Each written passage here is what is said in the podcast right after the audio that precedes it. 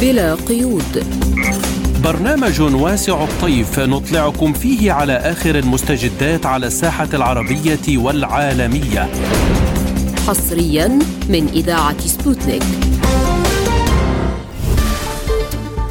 ومن استديوهاتنا في موسكو نرحب بكم مستمعي سبوتنيك واهلا بكم إلى هذه الحلقة الجديدة من بلا قيود. سنكون معكم على مدار الساعة. أنا نغم كباس وأنا عماد الطفيلي والبداية بأبرز العناوين. روسيا تنفي الاتهامات بسقوط صواريخ لها في بولندا. الأمم المتحدة تعترف بأن لديها تقارير مؤكدة بتنفيذ قوات كييف إعدامات وتعذيب لأسرى الحرب دون محاكمة. ترامب يترشح للانتخابات الرئاسية المقبلة. شركة توتال تطلق أنشطة استكشافية بعد الاتفاق اللبناني الإسرائيلي. لازلتم تستمعون إلى برنامج بلا قيود.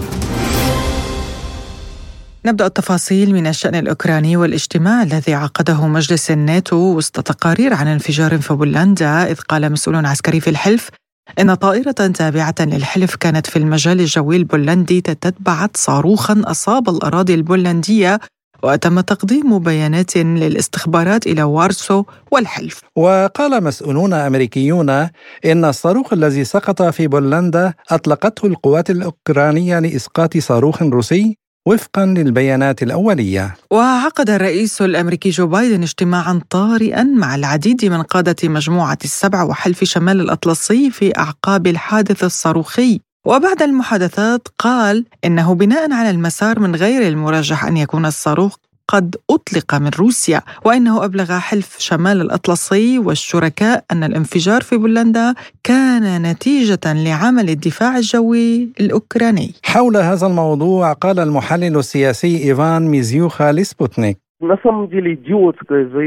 هذا بيان عبثي لا سيما في سياق تصريح الرئيس الأمريكي جو بايدن الذي نفى إلى حد ما تصريحات الجانب الأوكراني بأن هذه الصواريخ هي صواريخ روسية حتى أنه لم يتفق مع وجهة النظر الرسمية الأوكرانية. أعتقد أن كييف اليوم تعمد إلى تأجيج الهستيريا المعادية للروس فيما يتعلق بالحادث في بولندا. سوف يستغل البولنديون سلوك الجانب الأوكراني لأسباب واضحة تم التعبير عنها بشكل رسمي في بولندا لبلورة فكرة الروسفوبيا في بولندا ولكن أنا أعتقد أن هذا لن يكون لصالح أحد على الإطلاق. كان هذا تعليق المحلل السياسي إيفان مزيوخا وقال متحدث باسم الأمين العام للأمم المتحدة أنطونيو غوتيريش إن الأمين العام للأمم المتحدة يشعر بقلق بالغ إزاء التقارير التي تفيد بانفجار صاروخ في بولندا أسفر عن مقتل شخصين كما صرح الرئيس البولندي أندري دودا بأنه لا يوجد دليل واضح بشأن مصدر الصواريخ التي سقطت في شرق البلاد. لكن وزير الخارجية الأوكراني ديمتري كوليبا قال إنه قد دعا في محادثة مع وزير الخارجية الأمريكي أنتوني بلينكين إلى رد صارم على ما سماه سقوط الصواريخ في بولندا واصفا إياه بالإرهاب الصاروخي الروسي ونفت وزارة الدفاع الروسية توجيه أي ضربات على أهداف بالقرب من الحدود الأوكرانية البولندية من قبل القوات المسلحة الروسية وتأكيدا لما قالته وزارة الدفاع الروسية أوضح لنا أليكسي بدبريوسكين مدير مركز الدراسات العسكرية والسياسية في جامعة أمجيمو Ракета С-300 – это ракета, которая предназначена для уничтожения летательных аппаратов. صاروخ اس-300 هو صاروخ سوفيتي قديم نوعا ما ومعروف مصمم لتدمير الطائرات حتى أنه تم تصديره وموجود الآن قيد الخدمة في جزيرة كريت. يبلغ مداه حوالي 200 كيلومتر ولكن هذا النطاق لا يزال غير كاف ليصل إلى بولندا فيما لو تم إطلاقه من بيلغراد ولكن المهم في الأمر هنا شيء آخر. بالأمس كان هناك قصف مكثف من قبل روسيا على المناطق الغربية من أوكرانيا وهذا خلق صعوبات أمام الدفاع الجوي الأوكراني. فالضربات الصاروخية المكثفة أدت إلى حالة من الارتباك لدى الأوكرانيين ومن الممكن في هذا السياق أن يكونوا قد أطلقوا صاروخا في الاتجاه الخاطئ. وهذا أمر معتاد جدا بالنسبة للجانب الأوكراني ولكن ليس لتصعيد الصراع. فهم ببساطة لا يمتلكون القدرة على ضبط الأمور كما ينبغي وليس لديهم ما يكفي من المهارة. أريد أن أذكر هنا كيف أسقطوا طائرة إسرائيلية فوق شبه جزيرة القرم بنفس الطريقة قبل 21 عاما ثم أسقطوا طائرة بوينغ الماليزية. كل هذا كان بسبب قلة الخبرة الاحترافية لدى قيادة الدفاع الجوي لأوكرانيا غير الفعالة على الإطلاق. بالنسبة لاتهام روسيا فهذا مستبعد تماما لأنه من غير الممكن من حيث المدى ومن حيث الكثير من المعايير الأخرى حتى لو أردنا ذلك وهذا مستبعد. هل يعقل التفريط بصاروخ تكلفته عشرات الملايين من الدولارات لاستهداف قاطر الجرار؟ إنه شيء مضحك حتى مع وجود رغبة في زيادة الكراهية للروس من الجانب البولندي فإن هذا لن يؤدي إلا إلى فضيحة لا أكثر. كان معنا من موسكو أليكسي بادبريوسكين مدير مركز الدراسات العسكرية والسياسية في جامعة ميغيمو. لازلتم تستمعون إلى برنامج بلا قيود. وللحديث عن هذا الموضوع ينضم إلينا عبر الهاتف الأكاديمي والباحث السياسي الدكتور محمود الأفندي. أهلا وسهلا بك دكتور محمود في بلا قيود. سلامات يسعد أوقاتك سيدتي والأخوة المستمعين. يعني آه، هذه الإثارة من قبل الغرب لموضوع الصاروخ. الاتحاد الأوروبي يقول إنه صاروخ روسي سقط على بولندا وقتل شخصين. اليوم بايدن منذ قليل يقول لا الصاروخ أوكراني فلماذا هذا التصعيد الأوروبي برأيك؟ هل تحتمل أوروبا مزيد من التصعيد تجاه روسيا؟ أول شيء يعني هو ليس تصعيد أوروبي هذا أمر جدا هو تصعيد من بعض دول أوروبا من بعض الدول الاوروبيه وخصوصا الدول اللي تسمى اللي تتصدر ما يسمى الروسوفوبيا هي دول البلطيق استونيا ولاتفيا وليتوانيا وبالإضافة إلى فنلندا هم الوحيدين الذي نددوا بالضرب الصاروخي واتهموا بشكل مباشر روسيا بإطلاقه ومباشرة أعطوا ما يسمى إنه هم مستعدين للمشاركة في حرب ضد روسيا. هذا أمر خطير جدا من دون أي تحقيقات. هذا أمر مهم جدا بينما التصريحات الأوروبية الأخرى من الرئيس الفرنسي والرئيس الالماني ونعلم هذول من أقوى دول حلف الناتو تقريبا في أوروبا كانت تصريحات للانتظار. هذا أمر مهم جدا. ففعليا آه، اللي حصل البارحة كان هي عبارة عن عملية استفزاز من الطرف الأوكراني. الطرف البولندي لا أستطيع أن أتهمه فعليا لأنه فعليا الطرف البولندي نشر صور الصاروخ. وعندما نشر صور الصاروخ كان بيستطيعوا لا ينشرها. هو فعليا أثبت أثبت على أوكرانيا أن هذا هو صاروخ أوكراني لأنه فعليا هو صاروخ من نوع إس 300 هو آه هو هو سلاح منظومة دفاع جوي. صحيح انها روسية الصنع آه من أيام الاتحاد السوفيتي. ولكن وجود هذه المنظومة يجب أن تكون آه على حدود البولندية حتى تستطيع أن تصل إلى الأراضي الأوكرانية. إس 300 يعني حوالي 250 كيلومتر مداها.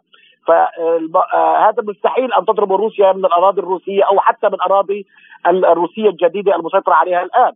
فهذا الأمر معين. هون بولندا لما أعطت الصور أعطت فعليا كل الدلائل لإدانة أوكرانيا.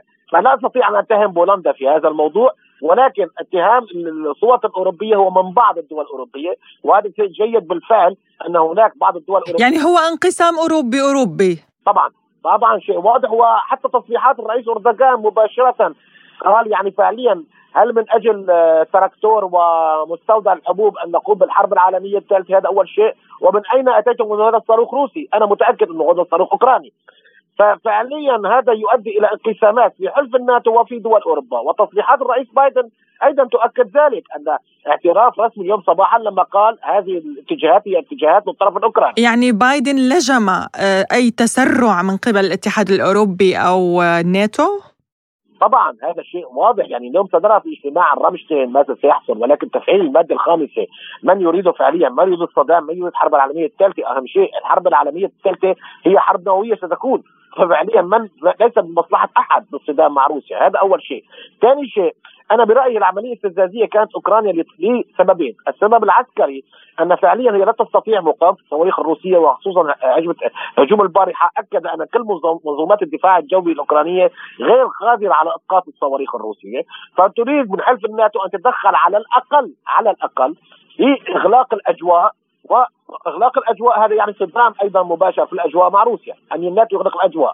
السبب السياسي فعليا هو قمه العشرين اللي كان في إندونيسيا يلي فعليا أكدت أن آه، فشل فشل المعسكر الغربي بادانه روسيا وفي العملية العسكرية الخاصة وفعليا التصريحات الخطيره اللي قال المستشار الألماني شولز عندما قال لقد فشلنا في عزل روسيا سياسيا واقتصاديا وتصريحات الرئيس ماكرون الرئيس الفرنسي عندما قال يجب أن نتفاوض مع روسيا ونجد حل للأزمة الأوكرانية وخلق سلام في أوروبا هذا زعج الاوكرانيين جدا. هذا يعني أن اوروبا الآن بدأت تستعد للتفاوض مع روسيا. يمكن أن تكون هذه العملية تنزيل من الطرفين ولكن إذا قررت أوكرانيا انه هذه العملية بالخطأ يجب أيضا أن يعني حلف الناتو أن بالخطأ يمكن لحلف الناتو أن لا يفعل المادة الخامسة ضد أوكرانيا. دكتور محمود في هذا السياق يعني عفوا على المقاطعة في البداية تحياتي لحضرتك. يعني هناك مسؤول فرنسي قال أعتقد وزير الدفاع الفرنسي قال حتى لو كانت روسيا هي التي أطلقت هذه الصواريخ عن قاصد إلى بولندا لن يتم تفعيل الماده البند الخامس لحلف الناتو لأن ذلك يعني حرب بين روسيا وحلف الناتو يعني كيف تعلق على ذلك؟ طبعا آه، أول شيء الهدف يعني كما قال رئيس الهدف هو تراكتور ومستودع حبوب. فهل من الداعي أن تقوم حرب عالمية ثالثة حتى لو روسيا قصدت أن تضرب تراكتور ومستودع حبوب؟ وهذا شيء خارج عن الخيال يعني تقريبا وخارج عن المنطق. هذا فعليا وزير الدفاع الفرنسي يقصد ذلك إنه من أجل ماذا أن نقوم حرب عالمية ثالثة؟ لو فعليا آه، روسيا إذا تريد أن تدخل حرب عالمية ثالثة مع آه، مع الغرب أو مع حلف الناتو فعليا لقصفت آه، بأسلحة قوية قصفت المعسكرات التي تدرب فيها الجيش الأوكراني ليؤدي نوعا ما إلى إفادة العملية العسكرية الخاصة الروسية. طبعا فلماذا أن تضرب تراكتور؟ هذا شيء واضح. يعني هذا كل التصريحات بعدم تصديق الغرب بالاستفزاز الأوكراني أو بسميه البروباغندا الأوكرانية في هذه العملية. يعني فعليا أنا برأيي أنا برأيي هناك انقسامات حادة الآن في صفوف أوكرانيا. يعني ترى تصريح زالوجني البارح الجنرال زالوجني عندما قال نحن لن نذهب إلى التفاوض مع روسيا هي كان تحذير الرئيس زيلينسكي إنه الذهاب مع التفاوض الجيش الأوكراني غير قابل. يعني هناك نوعا ما أصبح انقلاب عسكري على زيلينسكي. ففعليا يمكن ان يقوم الجنرال زالوجدي بإطلاق هذا الصاروخ بدون علم الرئيس الأوكراني. هذا أمر جدا مفروض وطبعا الدول الأوروبية تعلم ذلك. هذا أمر مهم جدا. دكتور محمود بعد عندي سؤال إذا ممكن فيما يخص الضربات الصاروخية العنيفة التي وجهتها روسيا أمس لأوكرانيا للبنى التحتية يعني حوالي المئة صاروخ يعني في أي سياق تأتي هذه الحملة برأيك؟ طبعا روسيا الآن تتعامل مع العملية العسكرية الخاصة بما يسمى آه، آه، تدمير البنية الحيوية وليست التحتية، البنية الحيوية الأوكرانية تستخدمها في التقدم في العمل في آه، يسمى الحرب ضد روسيا. يعني نعلم جيدا أن الطاقة الكهربائية هي عامل اساسي في نقل المعدات العسكرية عن طريق القطارات، نعلم جيدا القطارات كلها كهربائية، وأيضا الصناعة الأوكرانية التي تنتج الأسلحة. تصبح من المستحيل أن تنتج طاقه كهربائية لإنتاجها. آه، ففعليا روسيا تقوم الآن بتدمير البنية الحيوية لإضعاف أوكرانيا. بالتصنيع وأيضا بالنقل المعدات ما يسمى اللوجيستيك إلى آه، الجبهه الجبهة العسكرية بين روسيا وأوكرانيا وبالإضافة إلى إلى منع أوكرانيا بالشغل كامل تصدير كهرباء إلى أوروبا حتى لا تستفيد اقتصاديا منها. يعني روسيا تريد تدمير ما يسمى البنية الحيوية الأوكرانية لإجبار أوكرانيا على الجلوس على طاوله الفوضات، يعني روسيا لم تستخدم منذ بدايه العملية العسكرية أي هجوم صاروخي ضد أي بنية تحتية أوكرانية، لم تدمر أي جسر فعليا في أوكرانيا. غير الجسر طبعا أنطورف اللي كان هو مدمر في الأصل هي قطعته فقط آه فقط لمنع القوات الاوكرانيه من التقدم إلى آه الضفة الشرقية من خرسون، ولكن روسيا لم تقم غير في محطات الكهرباء فقط لقطع الإمدادات كما قلت و اضعاف البنيه اضعاف الاقتصاد الأوكراني حتى يجلس على طاوله المفاوضات طيب دكتور. آه، طيب دكتور يعني سؤال هنا اليوم بولندا تقول بأنها ستنشر آه، منظومات دفاع جوي على طول الحدود مع أوكرانيا. هل سيساهم هذا بدعم الجيش الأوكراني بطريقة أو بأخرى برأيك؟ لنرى لنرى الآن بعد اجتماع رمشتين ماده يقرر هي المادة الرابعة يفعلوها بحالة تأهب. هذا أمر مهم جدا. إذا قرروا المادة الرابعة آه، يمكن أن تزرع حالة التاهب يعني تعول على أو تخيل الجانب البولندي بنشر منظومة صاروخية دفاع جوي. ولكن المشكلة الآن آه، إذا آه، ضرب نظام الدفاع ضربت صاروخ روسي أو تدخلت بضرب صاروخ روسي داخل الاراضي الأوكرانية يمكن أن يصبح نوع من أنواع التدخل المباشر مع العملية العسكرية في العملية العسكرية الخاصة. ولكن فعليا إذا هذه المنظومة تساعد فقط على إنزال الصواريخ على الأراضي البولندية بحال الخطأ هذا أمر مهم جدا. باعتقادي أن أنظمة الدفاع الجوية الموجودة في آه، آه، بولندا الباتريوت وغيرها هي أيضا لها مدى 200 أو 250 كيلو متر أو 300 كيلو متر يعني لا تستطيع وصول هذه المنظومة إلى كييف فعليا. فأعتقد إنه حتى لو نشروا هذه المنظومات لن تؤثر على الضربات الصاروخية الروسية بأي شكل من الأشكال. هذا أمر مهم جدا. حالة تاهب المائده الرابعة أنا أتوقع إنه يمكن تعلن حالة تاهب لأنه هناك خطر على الأراضي البولندية وأراضي الناتو من عمليات الخطأ كما نقول. هذا أمر مهم جدا. ولكن للأسف الشديد يعني نرى أن الاجتماع الناتو اليوم من أجل آه مثل ما بيقولوا آه تراكتور ومستودع حبوب ولا يجتمع الناتو باعتداء مباشر على البنية التحتية الاقتصادية بضرب آه خط غاز بروب خط ال Nord Stream 2 هذا أمر مهم جدا وهو اعتداء كان على اراضي الدنماركية بالمياه الإقليمية الدنماركية ولم يحقق في هذا الموضوع بينما يحققوا من أجل مستودع حبوب وتراكتور هذا أمر مهم جدا هناك انحياز بشكل واضح لحلف الناتو أنا باعتقادي أن الاجتماع اليوم آه، حتى لو حصلت حالة تأهب أنا لن تؤثر بأي شكل من الأشكال على العملية الروسية وعلى القرارات الروسية باتجاه أوكرانيا العسكرية طبعا. نعم الأكاديمي والباحث السياسي الدكتور محمود الأفندي كنت معنا عبر الهاتف. شكرا جزيلا لك على هذه شكرا المداخلة. شكرا, شكرا دكتور محمود شكرا. شكرا شكرا. أستاذ لازلتم تستمعون إلى برنامج بلا قيود. أعلنت رئيسة بعثة الأمم المتحدة لحقوق الإنسان بأوكرانيا ماتيلدا بوغنر أن البعثة بحوزتها تقارير موثوقة. تفيد بأن القوات الأوكرانية أعدمت أشخاصا لم يشاركوا في القتال دون محاكمة عادلة. وأكدت بوغنر أن البعثة في أوكرانيا تلقت معلومات أيضا حول تعذيب وسوء معاملة أسرى الحرب الروس من قبل قوات كييف. وللتعليق على هذا الموضوع من وجهة نظر القانون الدولي يقول أستاذ القانون الدولي والخبير السابق في العديد من المنظمات الدولية الدكتور حسن جوني لبرنامجنا. طبعا قبل الحديث عن الانتهاكات بداية القانون الدولي طبعا يميز بين المعاملة المدنيين والمعاملة العسكريين. الواضح من التقرير بأنه هناك تم إعدام أشخاص لم يشاركوا في القتال بمعنى انهم آه، من المدنيين. وكذلك تم اعدام وتعذيب اسرى حرب. وبالتالي القانون الدولي هنا يخصص عدة مواد أو حتى عدة اتفاقيات لكل منهما. فيما يتعلق بمحاكمه المدني يتعلق ب فيما يتعلق بعمليه اعدام الأشخاص آه، المدنيين هناك طبعا آه، اتفاقية جنيف الرابعة وهناك أيضا الحديث عن في البروتوكول الأول لاتفاقيات جنيف تحظر أي عملية إعدام بدون محاكمة في الأساس وأيضا مما يشكل آه، في في هذه العملية آه، إعدام الأشخاص تشكل عملية آه، إرهاب ممكن أن نتحدث عنها في هذا المجال. وطبعا قبل الحديث طبعا عن المواد القانونية أيضا في عندنا نحن هنا في فيما يتعلق بمعاملة وتعذيب الأسرى خصص القانون الدولي اتفاقية جنيف الثالثة للأسرى وكذلك آه، عدة مواد في البروتوكول الأول لاتفاقيات جنيف. آه، ما حصل هو أولا إعدامات ثانيا تعذيب وأيضا احتجاز في أماكن غير رسمية وسوء معاملة. كل ذلك يشكل انتهاكات آه، خطيرة للقانون الدولي الإنساني بدون ادنى شك وكذلك الأمر القانون الدولي لحقوق الإنسان حقوق الإنسان وكذلك الأمر وهذا مهم جدا لمعاهدة مناهضه التعذيب كل الدروب المعاملات المعاملة أو العقوبات القاسية التي صدرت على الأمم المتحدة عام 87 ويشكل طبعا من الجرائم آه، وانتهاك الاتفاقيات المتعلقة بمنع الإرهاب. نعم. آه، هنا ممكن أن نتحدث بأنه أيضا هناك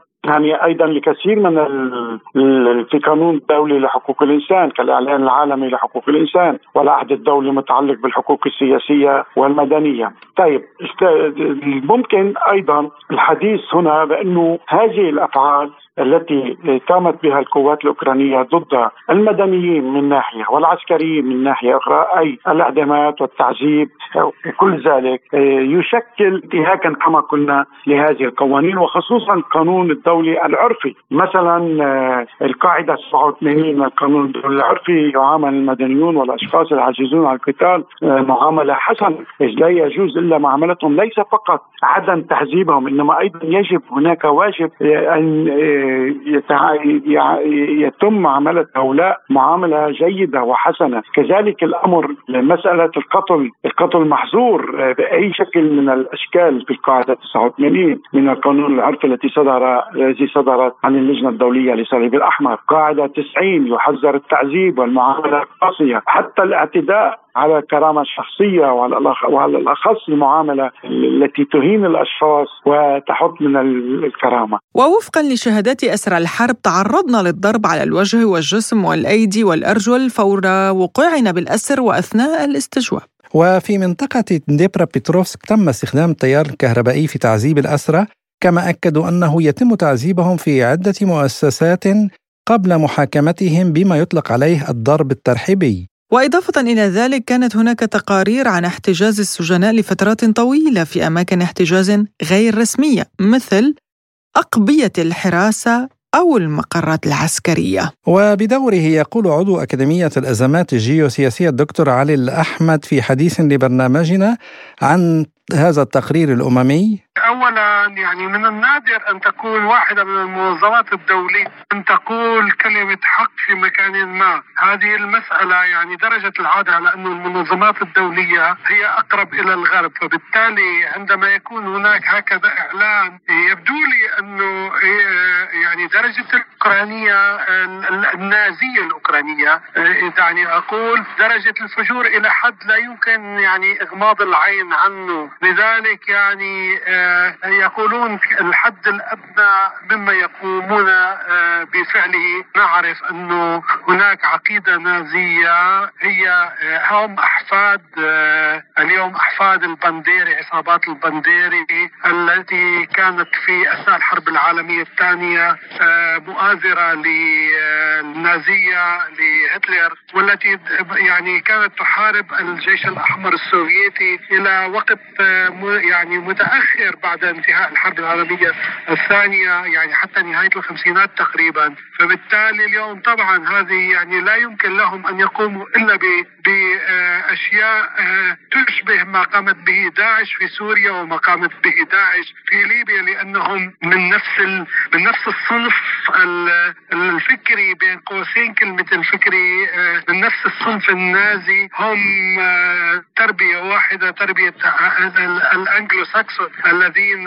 يعني يقومون دائما تحريض الناس على بعضها بخطاب كراهية لا يمكن لهم أن يقوموا إلا بأفعال شائنة آه، يندى لها جبين الانسانيه فبالتالي عندما حضرتك تقلي عن إحدى المنظمات الدولية منظمة حقوق إنسان دولية وتقدم مثل هذا التقرير لا أعرف على المستوى الشخصي إلى أي حد سيدة رئيسة هذه المنظمة إلى أي حد كم هي محقة؟ بمعنى أنها يعني تتبع الحق؟ لا أعرف حقيقة ولا ولكن هناك مشكلة في المنظمات الدولية كبيرة جدا والآن عندما تقول هذا الكلام فهذا يعني مدعى آه، أكيد للتأمل الإعلام الغربي أولا آه، يعني هو آه، إعلام موجه في مكان ما كان مهنيا والآن حتى قد فقد حتى مهنيته. الإعلام الغربي كان يقول بصياغة ما معلومات هذه الصياغة تصب في مصلحته. الآن حتى هذه الصياغة لم يعد يقولها فبالتالي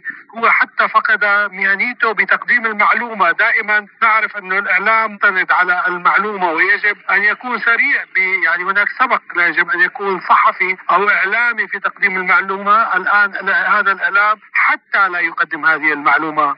فيما يتعلق بالتغطية حول تقارير موضوعية أو شبه موضوعية مثل هذا التقرير للأسف الشديد هذا الإعلام يريد أن يجيش جماهيره وأن يقول أن روسيا دولة آه، يعني دولة عدو ودولة معتدية ويريد أن يعمي العيون حتى عن تاريخ الاتحاد السوفيتي وتاريخ روسيا الاتحادية التي آه، يعني عندما عندما نستذكر أو نرى على شاشات الأخبار كيف يمسحون التماثيل والآثار التي تجسد انتصار الجيش الروسي والجيش السوفيتي في الحرب العالمية الثانية والآن يسحبون هذا الموضوع كله للغرب الذي في يوم من الأيام كان يعمل مع النازية. نرى أن هذا الإعلام آه، له صبغة معينة له سياق معين. هذا السياق هو ضد روسيا الاتحادية بكل تأكيد. وفيما يخص تغاضي الإعلام الغربي والمجتمع الدولي عن هذه المعلومات الموثقة يقول الخبير القانوني حسن جوني لي بلا قيود أريد فقط أن أضيف سمحتي إلى نقطة مهمة جدا. العقوبات الجماعية أيضا في القانون الدولي محظورة. يعني هناك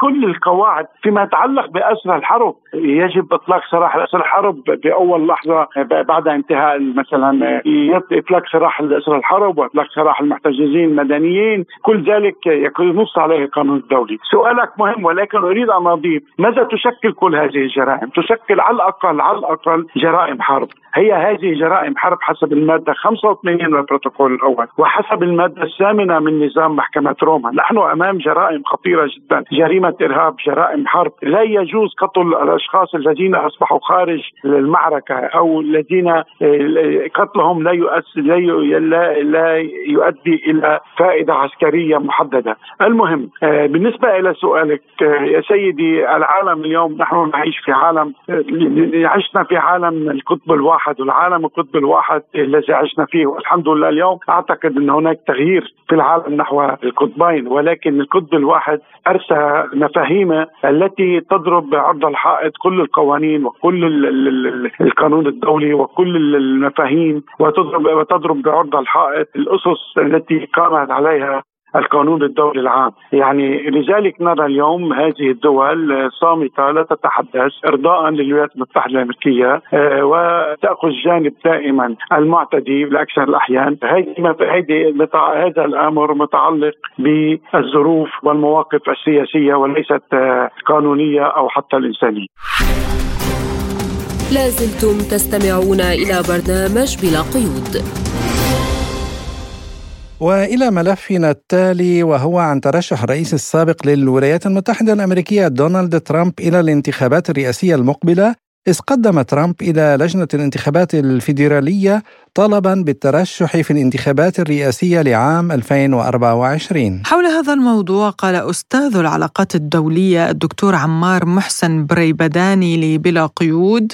ترشح ترامب إلى الانتخابات الرئاسية آه الذي أعلن عنه البارحة يأتي بعد نتائج آه غير مرضية للحزب الجمهوري في الانتخابات النصفية الأمريكية وقد أثرت هذه النتائج على شعبية ترامب. آه لذلك آه، يعني بدأت تظهر آه، ضمن الحزب الجمهوري آه، أصوات تنادي بزعيم جديد. يعني بدأ الحزب الجمهوري يبحث عن زعيم آه، جديد. ولا شك أن حاكم فلوريدا رون دي سانتيس يعني أظهر شعبية غير مسبوقة في ولايته وهو المرشح الأبرز لمنافسة ترامب ضمن الحزب الجمهوري. ولذلك يعني ما زال موضوع أن سيكون ترامب هو المرشح الوحيد للحزب الجمهوري ما زال غير آه، مؤكد. ويرى بري بداني أن تراجع شعبية بايدن سيصب في مصلحة ترامب. تراجع شعبية آه، بايدن يخدم ترامب ويخدم الحزب الجمهوري ولكن آه، يعني حتى أن كان من المتوقع أن هامش كبير من خسائر الديمقراطيين في الانتخابات النصفية سينظر إليه على أنه توبيخ لرئاسة بايدن وزيادة الضغط عليه للتنازل عن دور لشخص آخر.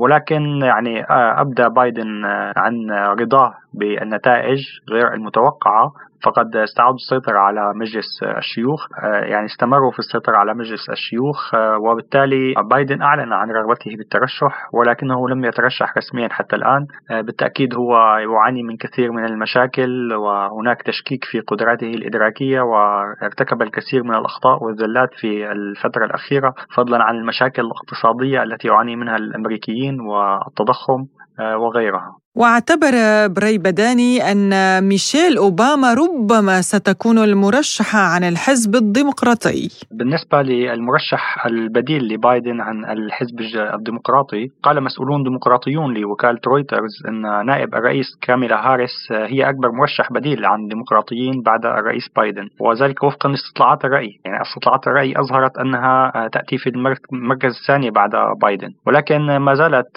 كاميلا هاريس تعاني من بعض المشاكل بسبب أدائها الضعيف في السباق الرئاسي لعام 2020 وافتقارها إلى نجاح سياسي بارز كنائبة لرئيس مما أثار الشكوك في قدرتها على هزيمة خصم جمهوري قوي وبالتالي تراجعت شعبيتها ومعدلات تأييدها إلى حوالي 40% في الحزب الديمقراطي يعني يجري الحديث آه، حول ميشيل أوباما آه، زوجة الرئيس السابق باراك أوباما. آه، يقولون أنها مرشحة مفضلة ولديها شعبية ولكن لم تظهر أي نية للدخول في السباق وبالتالي من غير المعروف إن كانت ستخوض هذا السباق أم لا. كان هذا تعليق أستاذ العلاقات الدولية الدكتور عمار محسن بريبداني.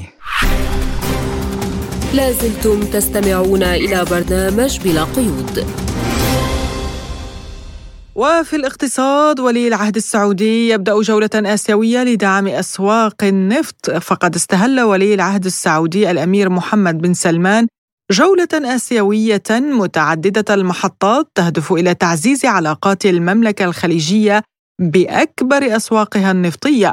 في وقت تسعى بلاده إلى مزيد من الاستقلالية عن الولايات المتحدة وسط خلاف مرير حول إمدادات الخام الأسود. وأوردت وكالة الأنباء السعودية الرسمية أن الأمير محمد سيزور عددا من الدول الأسيوية دون الإشارة إلى مزيد من التفاصيل حول مسار جولته. ومن المحتمل أن يتوقف في كوريا الجنوبية حيث قال الإعلام المحلي إنه سيلتقي رجال أعمال بارزين قبل أن يتوجه إلى بانكوك لحضور القمة السنوية لمنتدى التعاون الاقتصادي لآسيا والمحيط الهادئ. وللخوض أكثر في أهمية هذه الجولة ينضم إلينا عبر الهاتف الدكتور علي بوخمسين الرئيس التنفيذي لمركز التنمية والتطوير للاستشارات الاقتصادية والإدارية. أهلا بك دكتور في بلا قيود. أهلا وسهلا بكم وبالساده المستمعين. أهلا بك. يعني الأمير محمد بن سلمان ولي العهد السعودي يقوم بجولة آسيوية، هل هو اتجاه سعودي نحو آسيا بعد الخلافات الأخيرة مع أمريكا على أسواق النفط وخفض إنتاج النفط في إطار أوبك بلس؟ آه، في البداية أرحب بك وبالساده المستمعين وشكرا لكم على هذه الاستضافة الكريمة. مما لا شك فيه أن سمو ولي العهد السعودي الأمير حمد بن سلمان يقوم بجولته الحالية بصفته آه، كرئيس للدبلوماسية السعودية وممثل السعودية في المجتمع الدولي باعتباره آه، رجل دولة يبحث عن تحقيق مصالح هذه الدولة. ومما لا شك فيه أيضا أن المملكة بثقلها الاقتصادي الكبير وثقلها السياسي آه، وحضورها الكبير في عالم صناعة القرار السياسي على الصعيد العالمي. له تبعات آه، تتحملها المملكة العربية السعودية في قيادة العالم الإسلامي وفي قيادة الدول العربية وقيادة الدول الخليج تحديدا. وسعيها المستمر لتحقيق آه، الأمن والاستقرار في المنطقة. هذا يفرض على سياسة المملكة العربية السعودية التي تتسم عادة بالهدوء وبعد النظر والبحث عن المشتركات التي تخدم مصالح كل الأطراف، هذه الأمور كلها تصب في اتجاه أن تتوجه جولة سمو ولي العهد الحالية لخلق المزيد استقرار في المنطقة عبر تحقيق مصالح الدول المنتجة للنفط من جانب ومصالح الدول المستهلكة للنفط من جانب آخر. وبطبيعة الحال كون الدول الآسيوية بالذات مثلا آه، الصين والهند وكوريا الجنوبية هي والصين وربما يعني إندونيسيا هي من أكبر الدول المستهلكة الحقيقة للنفط السعودي. آه هذا سيترك آثار حتما على زيارة سمو ولي العهد لهذه الدول. آه في آه البحث عن خلق مزيد من التعاون آه، مع هذه الدول. ليس فقط في آه، ترسيخ العلاقة النفطيه بين المملكة العربية السعودية وهذه الدول. بل أيضا كما تم ترتيبه في بعض وسائل الإعلام العالمية أنه سيكون هناك بحث في خلق مشتركات اقتصادية تعزز مستقبلا العلاقة الاقتصادية بين المملكة العربية السعودية وهذه الدول وتخدم مصالح الاقتصاد العالمي وتحقيق النمو الاقتصادي العالمي عبر طرح مشاريع آه، لأفكار يعني آه، جريئة جدا على صعيد. توفير مصادر طاقة آه، مستدامة بديلا للنفط الاحفوري كما تم الإعلان عنه في في الاونه الأخيرة من تعاون بين عملاق صناعات صناعة النفط السعودي شركة أرامكو السعودية وبين شركة النفط والغاز الحكومية برتامينا برتامينا الإندونيسية للبحث في آه، إطلاق مشروع لتعظيم المنفعة الاقتصادية من آه، سلسلة الأمداد الخاصة بالهيدروجين والأمونيا. هذا يجسد تماما دور المملكة العربية السعودية من جانب في تحقيق استقرار العلاقات الدولية وتحقيق استقرار آه، وتسخير هذه الاستقرار في العلاقات الدولية لاستقرار أسواق النفط العالمية واستقرار أسعار النفط العالمية وكذلك يترجم دور وتوجه المملكة الرائد على الصعيد العالمي في تعزيز خلق مصادر الطاقة البديلة والاستثمار فعليا وخلق مشاريع استثمارية مشتركة أيضا مع بعض الدول آه، كما أعلن عنه حاليا في آه، المشروع الأخير مع الحكومة الإندونيسية. طيب دكتور علي تحياتي لحضرتك في البداية وعندي سؤال يعني هل التوجه نحو الدول الأسيوية هو في سياق يعني إيجاد توازن في السياسة الخارجية السعودية والنظر يعني إلى المستقبل؟ آه، أهلا وسهلا بك طبعا مما لا شك فيه أنه توجه المملكة يأتي طبيعي هذه الدول الآسيوية، طبعا من المعروف إنه استهلاك الدول الآسيوية للنفط السعودي هو أكبر بكثير من استهلاك الولايات المتحدة الأمريكية. الولايات المتحدة الأمريكية تأتي في آه، يعني درجة متأخرة في سلم المستوردين للنفط السعودي، آه، هذا يعني يبرر آه، طبيعيا توجه سمو ولي العهد للدول الآسيوية. أيضا كذلك من المعلوم أنه الآن المملكة ليست بصدد خلق علاقات جديدة وفتح أسواق جديدة مع هذه الدول، هذه الدول هي أصلا هي دول مستهلكة للنفط السعودي ومنذ عشرات السنين هي هي تعتبر من كبار العملاء وتزيد كميات استهلاكها لأنها طبعا في علاقتها مع السعودية تحس باستقرار وباطمئنان على قدرة المملكة على توفير النفط اللازم لهذه الدول وبالأسعار المتفق عليها دون أن تشعر بأي إرباك في آه، طريقة التعامل وأسلوب التعامل مع هذه الدول كما يحدث أحيانا في بعض مع بعض الدول الأخرى. توجه المملكه الحالي هو ليس فقط ترسيخ وتقوية العلاقة قدر ما قد يكون هو التوجه لفتح مسارات اقتصادية جديدة تعزز من طيب دكتور يعني آه، فتح مسارات اقتصادية جديدة بين السعودية ودول آسيوية. هي أصلا شريكة للسعودية سابقا كانت ولكن هناك تعزيز جديد ونظرة جديدة لهذا التوجه. آه، السعودية أيضا تريد الانضمام إلى بريكس وهذه الدول يوجد منها أيضا في بريكس. يعني هل هذا يعني أننا أمام آه، عالم اقتصادي جديد تحالفات اقتصادية واستراتيجيه جديدة على الصعيد الاقتصادي وليس فقط السياسي. نعم. آه، كنت بس أود أن اكمل أنه من ضمن المسارات الاقتصادية الجديدة التي حقيقة تعبر عن وجهة نظر المملكة في تحقيق المزيد من الاستقرار في أسواق النفط هو ربما الإعلان عن افتتاح آه، محطات تكرير آه، وتوسعه محطات تكرير قائمة وافتتاح محطات تكرير جديدة، تطوير بعض آه، هذه المحطات لإنتاج مستحدث مكررات نفطية جديدة، هذا كله يعبر فعلا عن الرؤية التكاملية للاستثمار في تأمين مصادر الطاقة للعالم، ما شهدناه من إرباك في أسواق النفط العالمية مؤخرا. ليس بسبب قله آه، آه، كميات النفط المتدفقة بل بسبب آه، أحيانا ضعف في في قدرة محطات التكرير على إنتاج الوقود البنزين أو بعض المشتقات النفطية الهامة للمستهلك المحلي في بعض الدول كما شهدنا في أوروبا مثلا، لذلك المملكة مع مع شركائها في الدول الآسيوية قرأوا الصورة بشكل واضح. وهم يستعدون آه، ويستفيدون من قدرة المملكة آه، من جانب قدرتها على إمدادات النفط ومن جانب آخر قدرتها على الاستثمار المالي وتوفير استثمار مالي. طبعا المملكة تهتم جدا بتوفير بنية تحتية استثمارية مؤهلة على صعيد إنتاج النفط ومشتقات النفط لكي يصل هذه المشتقات بالكميات الكافية بالسعر المناسب للعملاء. سواء كانوا على مستوى الدول أو على مستوى الأفراد على الصعيد العالمي. أما بخصوص سؤالك الأخير عفوا بس أرجو إعادته. حول رغبة السعودية بالانضمام إلى بريكس وهذا يعني أن هناك توجه جديد باتجاه آسيا ليس فقط بشكل سياسي وإنما هو ربما تحالف عالمي جديد من الناحية الاقتصادية من الجانب الاقتصادي. يعني الحقيقة طبعا من طبيعة التفاعلات السياسية والاقتصادية التي تحدث على الصعيد العالمي وبشكل يومي أن تخلق ظروف مستجدة تفتح آفاق تعاون جديدة أحيانا تبرز فرص استثمارية يستوجب الاستفادة منها وتحقيق مصالح كلا الطرفين ذوي العلاقة. بالتالي سعي المملكة للحقيقه لربما الانضمام لمنظمة بريكس مستقبلا وما سمعناه عن ترحيب قوي ودعم من كبار الأعضاء في بريكس الصين وروسيا.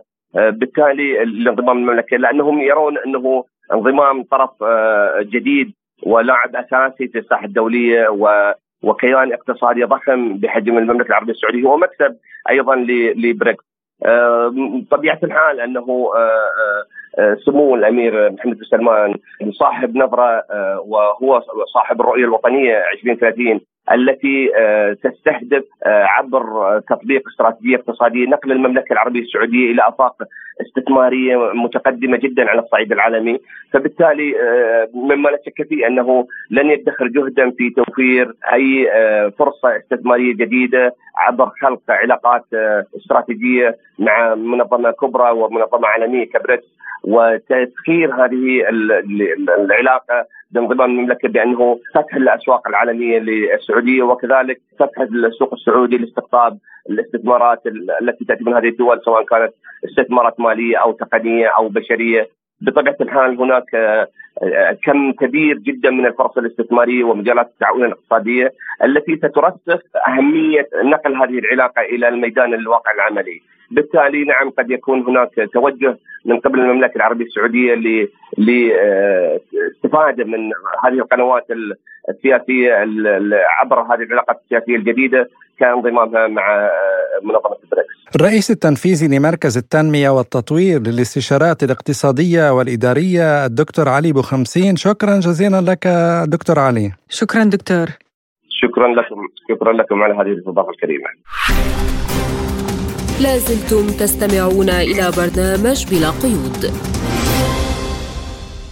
وإلى لبنان حيث أعلنت شركة توتال الفرنسية أنها ستبدأ قريبا أنشطة الاستكشاف للبحث عن الغاز في البحر الأبيض المتوسط قبالة سواحل لبنان بعد الاتفاق اللبناني الإسرائيلي لترسيم الحدود البحرية. وفي تعليقه على الشركات المشاركة إلى جانب توتال في هذا الاستكشاف يقول الخبير الاقتصادي اللبناني إيلي يشوعي لبلا قيود. بالنسبة لشركة توتال وقعت اتفاق مع الإسرائيليين حول الحصة المالية التي على الشركة أن تدفعها لإسرائيل بخصوص استثمارها لحقل قانا مع الشركة الإيطالية إني مع شركة أني الإيطالية بالبلوك رقم تسعة في جنوب لبنان. سوف تستخدم المعدات اللازمة للبدء بالحفر والبدء بالتنقيب والاستخراج إلى آخره. طبعا هذا يستلزم بعض الوقت لكن أعتقد أنه شركة توتال هي على الطريق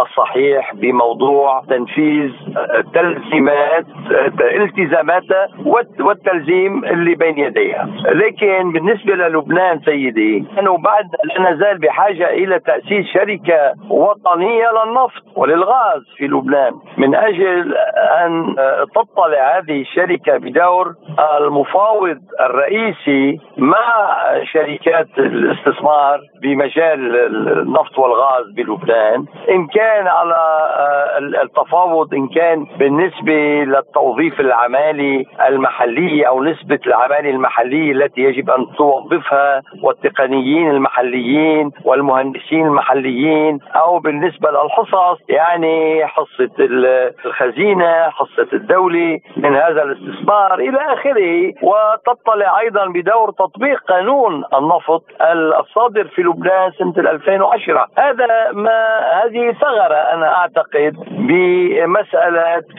استثمار الغاز والنفط في المياه الإقليمية أو المنطقة الاقتصادية الخالصة في لبنان. وقال باتريك بوياني الرئيس التنفيذي لشركة توتال إنرجيز تفخر شركة توتال إنرجيز بصفتها المشغل لبلوك التاسع باقترانها بالتعريف السلمي للحدود البحرية بين إسرائيل ولبنان مضيفا سنتمكن عبر خبرتنا في التنقيب البحري من تلبية مطالب كلا البلدين لتقييم الأهمية المادية للموارد الهيدروكربونية وإمكانات الإنتاج في هذا المجال.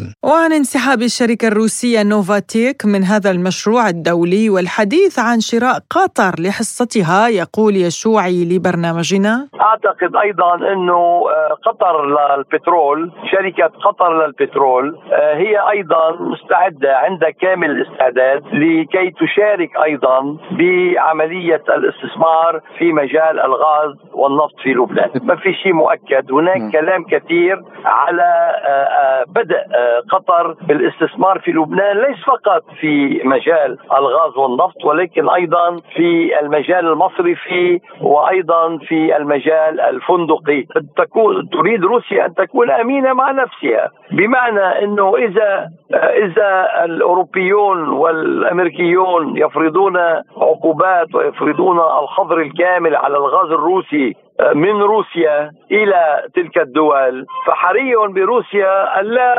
تأتي إلى لبنان وأن تزود تلك الدول بالغاز اللبناني توصل شركاتها.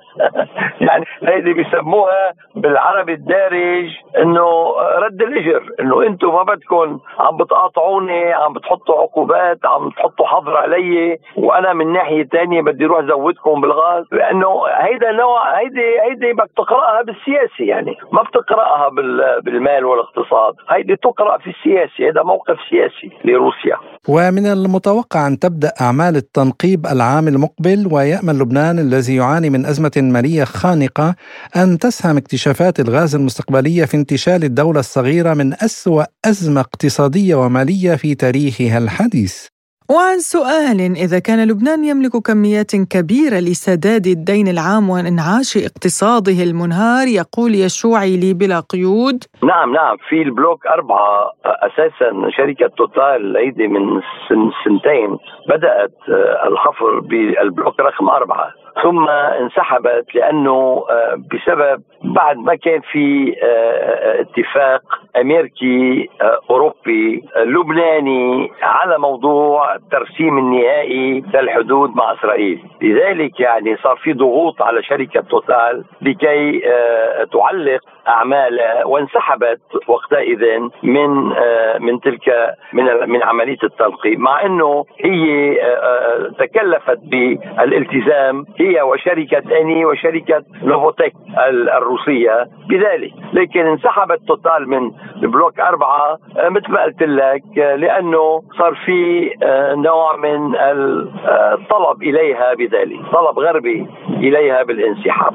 يعني طلب فرنسي وطلب أمريكي بسبب عدم الانتهاء من ترسيم الحدود البحرية بين لبنان وبين إسرائيل. نوع من الضغط وكان هذا نوع من الضغط على لبنان لكي يمضي قدما بمسألة الانتهاء من رسم هذه الحدود البحرية والرضوخ للشروط الغربية وللإملاءات الأمريكية. لك كل كل من آه، يدعي معرفة الاحتياطات الموجودة داخل المنطقة الاقتصادية الخالصة اللبنانية هذا بيكون آه، واهم ولا ينطق لا بواقع ولا بحقيقة. أنا ما بنقدر ما بنقدر نعرف شيء على الإطلاق. ما بنعرف شيء على الإطلاق. قبل أن تبدأ أعمال الحفر وأعمال التنقيب وأعمال الاستخراج وأعمال وأعمال الاستكشاف هيدي كلها بدها تاخذ وقت. إذا أنا شخصيا ما بقدر أدعي معرفة أي شيء حول ما يوجد لدينا من كميات غاز ونفط في قعر هذا البحر.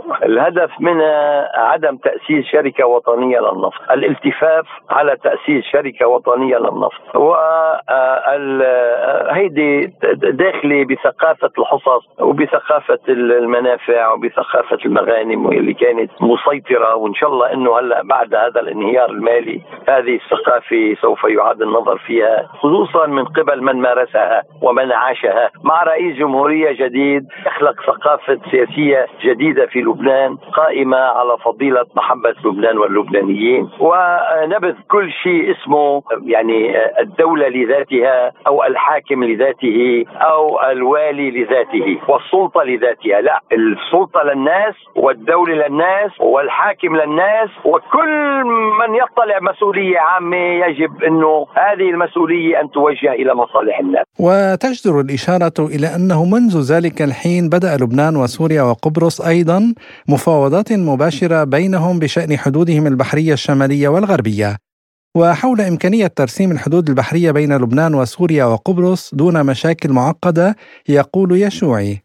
في قرار أممي في قرار صادر عن الأمم المتحدة آه، بعتقد 1680 إذا ماني غلطان.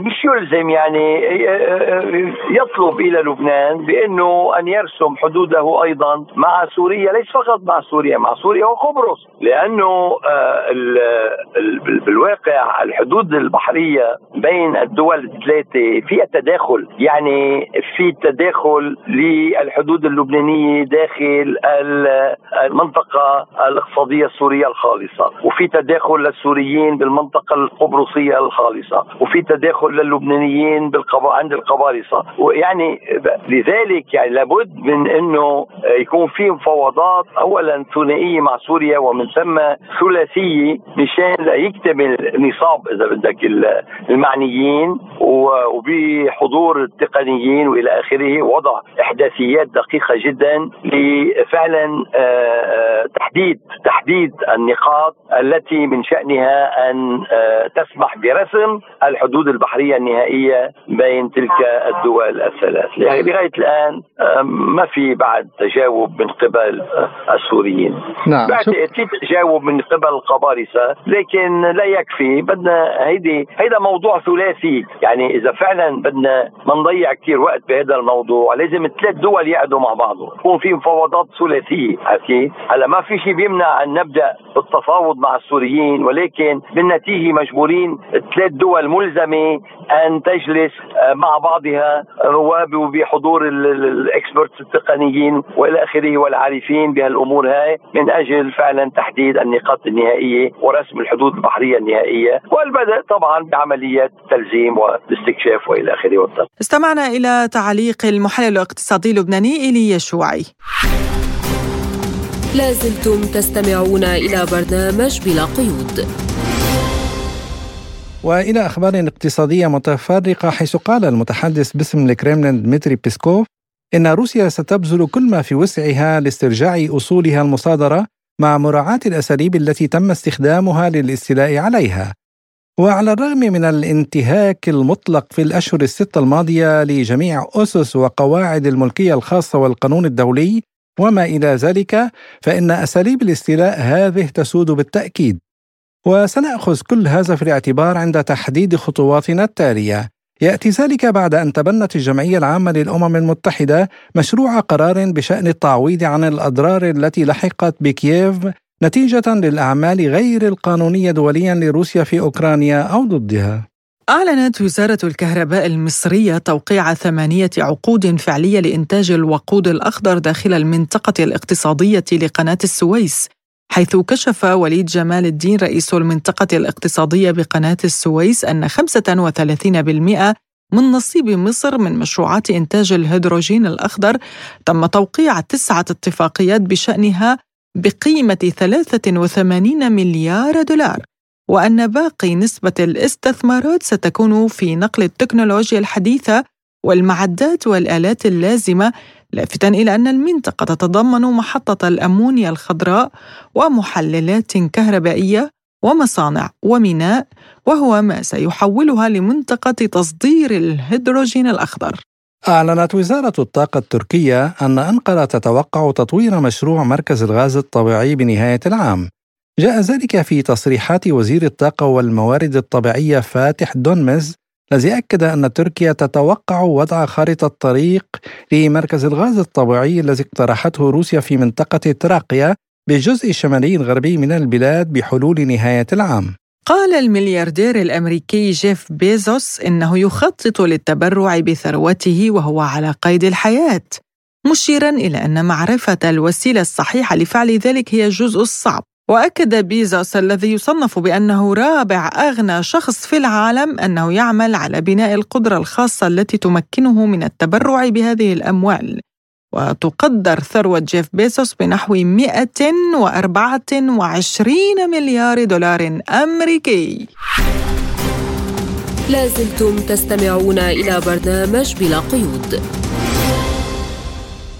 وإلى لبنان وإلى مشاكله الاجتماعية والاقتصادية حيث يدخل فصل الشتاء هذا العام إلى لبنان وسط أزمة اقتصادية مستمرة وانقسام سياسي حاد بين الافرقاء وما بين استفحال الأزمة الاقتصادية وتعمق الأزمة السياسية يبدو أن الشتاء سيكون قارسا وشديد البروده على اللبنانيين.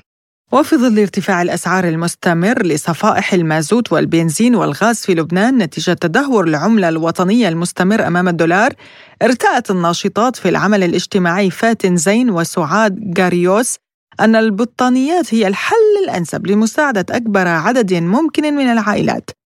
فبمكنة خياطة وبطانيات جديدة وقديمة استطاعت الناشطات أن يدخلن الدفء إلى عدة منازل. حول هذا الموضوع قالت الناشطة ورئيسة جمعية شبابيك فاتن زين لسبوتنيك من ضمن الحملات الشتوية اللي عم تقوم فيها شبابيك آه، طلعنا بحملة الحرامات آه، بما أنه الكهرباء غايبة وما في تدفئة والمازوت غاليين ما كان عندنا حل إلا نلاقي الطريقة إذا بدك البدائية للتدفئة واللي هي الحرامات بنفس الوقت مع تقليع هذه الحملة كانت عم تزورنا ست سعاد غاريوس من نحن واحد ونحن عادة علاقتنا بتكون مبنية على مقايضة إذا بدك أو شو عندك بعطي الناس اللي عندي ونفس الشيء يعني شو الحال واحد إذا بدك.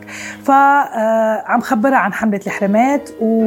وتذكرت كذا عائله بحاجة لحرمات. الفكرة إنه نحن مش مستهدفين الطبقه الفقيره نحن مستهدفين كل العالم بهالوضع لأنه بالمبدأ ما بقى عندنا طبقة وسطى.